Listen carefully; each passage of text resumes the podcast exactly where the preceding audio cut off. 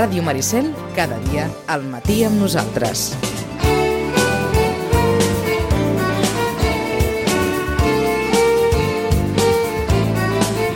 Tres quarts de deu ho teníem tot previst perquè vingués, però no comptàvem amb factors extemporanis. I ja ho saben que la Renfe s'ha convertit en un factor extemporani que ha afectat en més d'una ocasió aquest petit espai, que és Gaudeix la Festa amb en Chachi Gómez. Chachi, bon dia i bona hora, ben retrobat. Bon dia, bona hora i ben retrobats, encara que sigui per telèfon. Encara que sigui per telèfon, i avui que tenies tantes coses per, per poder-nos comentar, Santa Tecla de Tarragona, la Misericòrdia de Reus, el moment casteller, dues recomanacions de llibres... Bé, ho intentarem fer tot, d'una manera... Ho intentem fer tot o, o, o fem alguna coseta i en deixem alguna de la setmana? D- doncs mira, el que, Eh? Ja el, el que et vingui més de gust. El que et vingui més de gust. Fem alguna cosa, expliquem alguna cosa i després deixem, per exemple, les recomanacions bibliogràfiques Vinga. o el moment casteller. Doncs vinga, aparquem el moment casteller i les recomanacions bibliogràfiques, com que encara queda, encara queda pendent Santa Úrsula i totes aquestes coses. Exacte, exacte. Per, per tant, encara hi ha temps per parlar del moment casteller, tot i que el moment casteller té un nom que el sap tothom, que és la Vella de Valls. Correcte, la Vella de Valls està anant diguéssim, amb una sisena marxa i tota la resta van amb la quarta o inferior. No vull desprestigiar les altres colles, però sí que la, ja... Des, abans es deia que algunes colles anaven a remolc de la colla vella i jo penso que ara ja no van ni a remolc, és a dir, la vella està fent el seu camí i, i està, està liderant amb, amb, amb molta distància el món casteller. Això feia molt de temps que no passava, eh? Sí, bueno, els últims en fer-ho van ser els castellers de Vilafranca, fa uns anys, no?, que eren imbatuts imbatibles, però ara és la Colla Vella la que ho està fent, i ho està fent amb certa inèrcia, també, eh? és a dir, uh, no et dic que estigui vivint de renda, però sí que és veritat que hi ha un... han afluixat força la resta de colles, i la Vella, doncs, està seguint el camí de l'any passat. Com que en parlarem més, però per, per deixar dos titulars, Mm -hmm. mm, quines són les raons del per què les altres colles han afluixat i quines són les raons del per què la vella està on està? Um, jo crec que hi ha una raó molt clara per cada cosa. La primera és que la resta de colles han, estan pagant els accessos de temporades anteriors, demanant exageradament compromís i responsabilitat dels seus castellers, i la colla vella, doncs, si en el moment en què s'han de pagar els accessos tu et trobes triomfant i tornant a la primera posició eh, i això es transforma en ànims i ganes de continuar-ho, doncs eh, la distància es fa més gran. Mm. Oi que m'entens? És Sí. a dir, uns s'escapen per dalt i els altres s'escapen per baix. O sigui que d'alguna manera ha sabut mesurar més la força de la seva gent, la capacitat de la seva gent? Sí, bé, jo crec que és una qüestió d'ànims, eh, al Ja. final. D'aquest, eh, en el moment que es trenca, per dir-ho així, eh, tu t'enganxa dalt i continues amb ànims, perquè a sobre encara veus que és que ningú se m'enfadi, però que és més fàcil continuar allà dalt. Ah. I això, doncs, et reforça. Jo crec que deu anar per aquí. Doncs tindrem ocasió de parlar-ho amb més, amb més extensió, però Santa Tecla Tarragona, la Misericòrdia de Reus, reflexions a l'entorn de dues festes també capitals al, al sud del país en aquest, en aquest final d'estiu. Per on vols començar? Uh, jo, comen- jo començaria, podríem fer les dues i cap a l'hora, no? Vinga. Que són dues festes que van seguides, perquè una és el 23 de setembre, després continua uh, amb la Mercè i després acaba la Misericòrdia. Vosaltres no ho sabeu perquè també celebreu Santa Tecla Mm -hmm. amb aquell oxímoron de la festa major petita, que sempre m'ha fet molta gràcia, perquè si és una festa que és major no pot ser petita alhora. Ara ja no ho diem tant, eh? Ara ja no ho diu tant. Ara ja no es diu tant. Eh, ja no diu, sí que es diu, però diguem-ne que els més ortodoxos demanen que sobretot des que la festa major i la festa, la festa major de Sant Bartomeu i la festa major de Santa Tecla varen ser declarades festes patrimonials d'interès nacional, ara que això de la festa petita que ja no es digui massa perquè no, perquè no s'hi diu. O sigui que estarien en relació... M'agrada dir les coses per son nom, eh? Doncs, doncs, Una és la festa de Sant Bartomeu i l'altra és la de Santa Tecla, i així no queda malament cap de les dues. D'acord. Doncs entre una, entre una i l'altra, o entre la nostra Santa Tecla, enmig de la Santa Tecla Tarragonina, la Misericòrdia de Reus i la Mercè Barcelonina, que jo no sé també ara, i, i m'hi apunto, si a Barcelona la Mercè està vivint una revifalla els darrers anys. A Barcelona el que hi ha són coses molt ben fetes i coses que són més socials, per dir-ho d'alguna manera. És a dir, hi ha espectacles molt ben fets amb, amb, amb, amb el tema tradicional, com podria ser el toc d'inici, o l'anada i la sortida d'ofici i els balls de lluïment al migdia a Passa Sant Jaume, del mateix dia de la Mercè, amb l'Àliga i els gegants de la ciutat com a protagonistes, I després, per exemple, hi ha la gran cavalcada de la Mercè, o hi ha un eh, petit geganter on hi ballen tots els gegants que hi volen anar a la ciutat, és a dir, que jo crec que s'ha pogut posar el peu a cada banda, no? Que hi vagi tothom, la gent dels barris, i Mhm. la gran festa de tota la cultura popular tradicional barcelonina, i d'altra banda, doncs, hi hagi també reservat un espai eh, pel, per la part més protocolària i les peces que són del seguici històric de Barcelona. D'acord. Anem a Santa Tecla. Santa Tecla, Tarragona i la Misericòrdia Reus, entenent que la Misericòrdia és la petita eh, de Reus, és una mica Sant Pere i Sant Pau de Ribes, perquè Sant Pau va a l'ermita i la Misericòrdia va al santuari, que també estava fora del nucli i ara ha quedat integrat perquè Reus ha crescut. Uh, són, tenen dos seguicis que els han recuperat molt més tard que nosaltres, si és que nosaltres hem hagut de recuperar alguna cosa, i han vist els nostres vicis i virtuts i han mirat de repetir només la, les virtuts. I després, jo crec que cal anunciar molt fort el tema de l'acompanyament musical.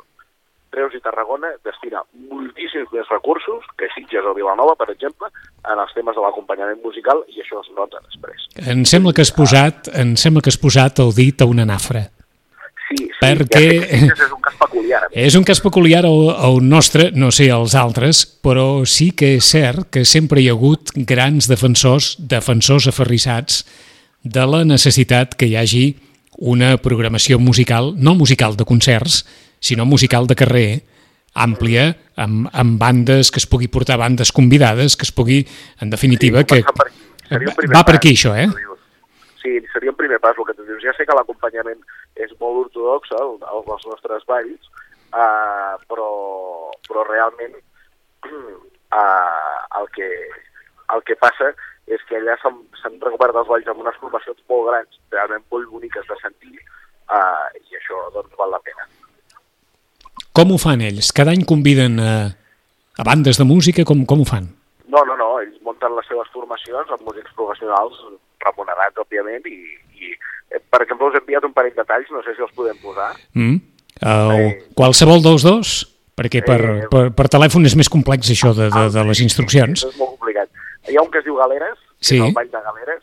Si el podem sentir, sentireu l'acompanyament que té el Ball de Galeres, que és espectacular. Són moltíssims músics eh, que acompanyen un ball que representa tota una naumàquia, de les antiques naumàquies que s'havien celebrat al Mercadal, Sí. de que eren una guerra entre moros i cristians, amb persones que porten vaixells a moda de cavallet i també porten armes que disparen foguets. Doncs vinga, anem a escoltar aquest ball de galeres amb l'acompanyament musical.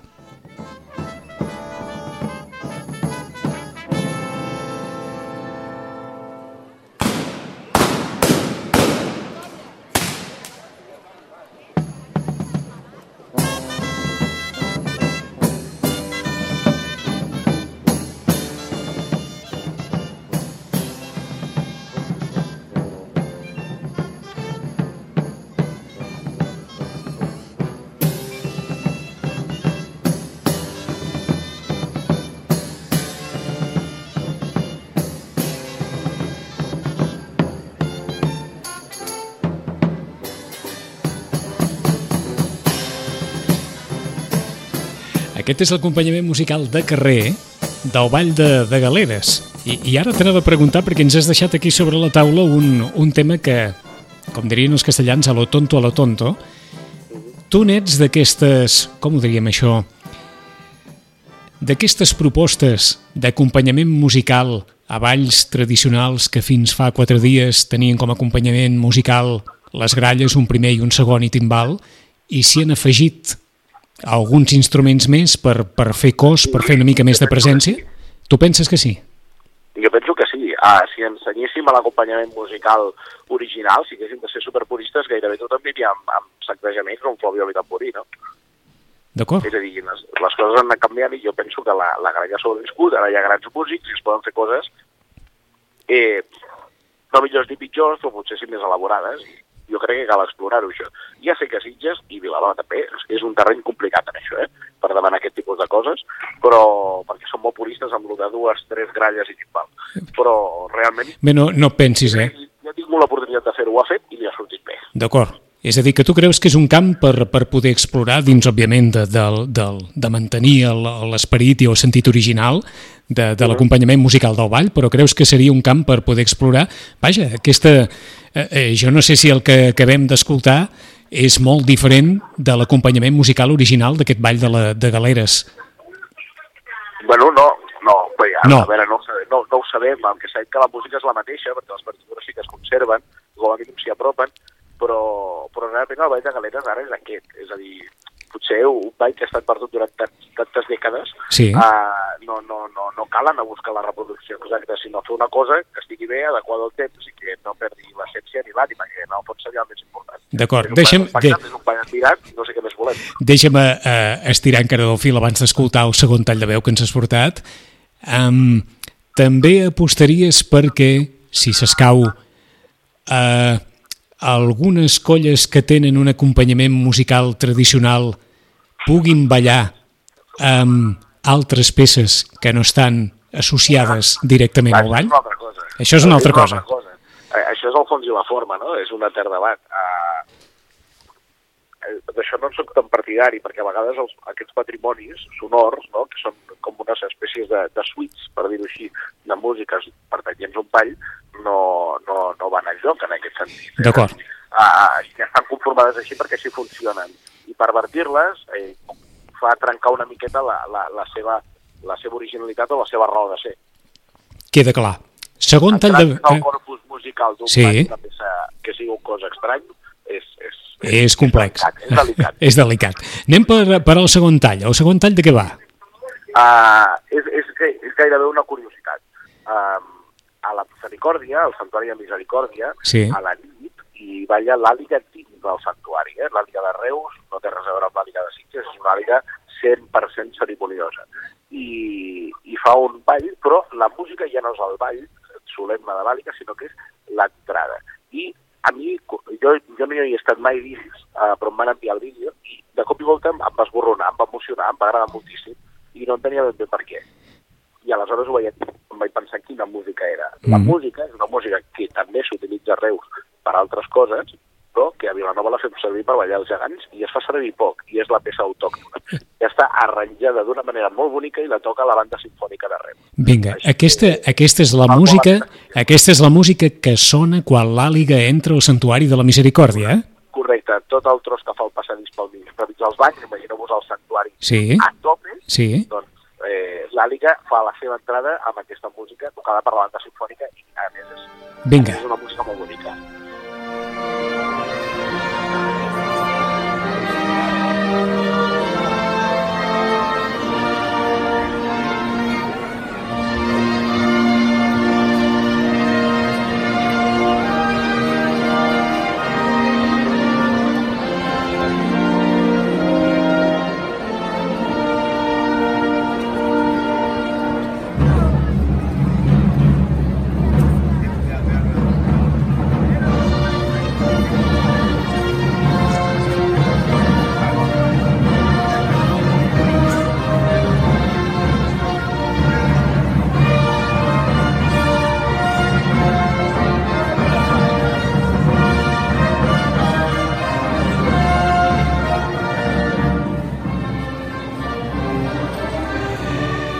Aquesta és la música interpretada per la banda sinfònica de Reus quan entra l'àliga al santuari de la Misericòrdia. Quina música més bonica que, que ens evoca, però moltíssima. A part que té una connexió bergadana a l'inici, però com que ens evoca allò a, a l'època medieval. I, I aquesta, una, una versió d'això la ballen els gegants de Vilanova? Bueno, la melodia simple La melodia simple. Uh, és la cançó dels gegants de Vilanova, que també s'havia fet servir per ballar gegants a Reus i pels nanos, si no m'equivoco, eh? Això Ahà. T'ho dic de memòria i no, i no t'ho sé dir del tot. I Com ho deia això en Jofre Vilà, que el folklore El folklore viatge. viatge. Caram, si viatge, eh? De dalt a baix i de, i de oest a est, doncs, doncs aquesta, aquesta música és la que acompanya. eh? Ah. D'una melodia tan simple generar uns arranjaments Ments tan bonics, sí senyor. Sí senyor. Bé, doncs aquí ficaríem la, la glossa de la moixiganga del mestre Antoni Català, que, que vindria Totalment. també. Eh, eh, Totalment. vaja, en fi, ara, ara que és l'any del centenari de la processó de Sant Bartomeu. En 15 dies hi tornarem i ens queden aquestes, aquestes qüestions pendents del, del moment casteller i les recomanacions literàries, de llibres, d'assajos que ens proposarà en Xachi. En 15 dies hi tornem i a veure si la Renfe ens ajuda. Xachi, gràcies. A l'altres, adeu. En 5 minuts tornem a aquí. Fins ara.